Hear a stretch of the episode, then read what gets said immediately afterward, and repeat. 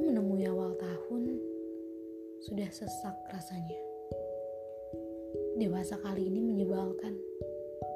Bagaimana tidak? Beberapa dari mereka yang ketemu selalu bertanya, "Apa pekerjaanmu? Sudah menikah atau belum? Punya rumah belum? Pacarnya mana? Kok sendirian terus?" Seolah hidup adalah sebuah daftar belanja Bahkan dari mereka tidak ada yang bertanya,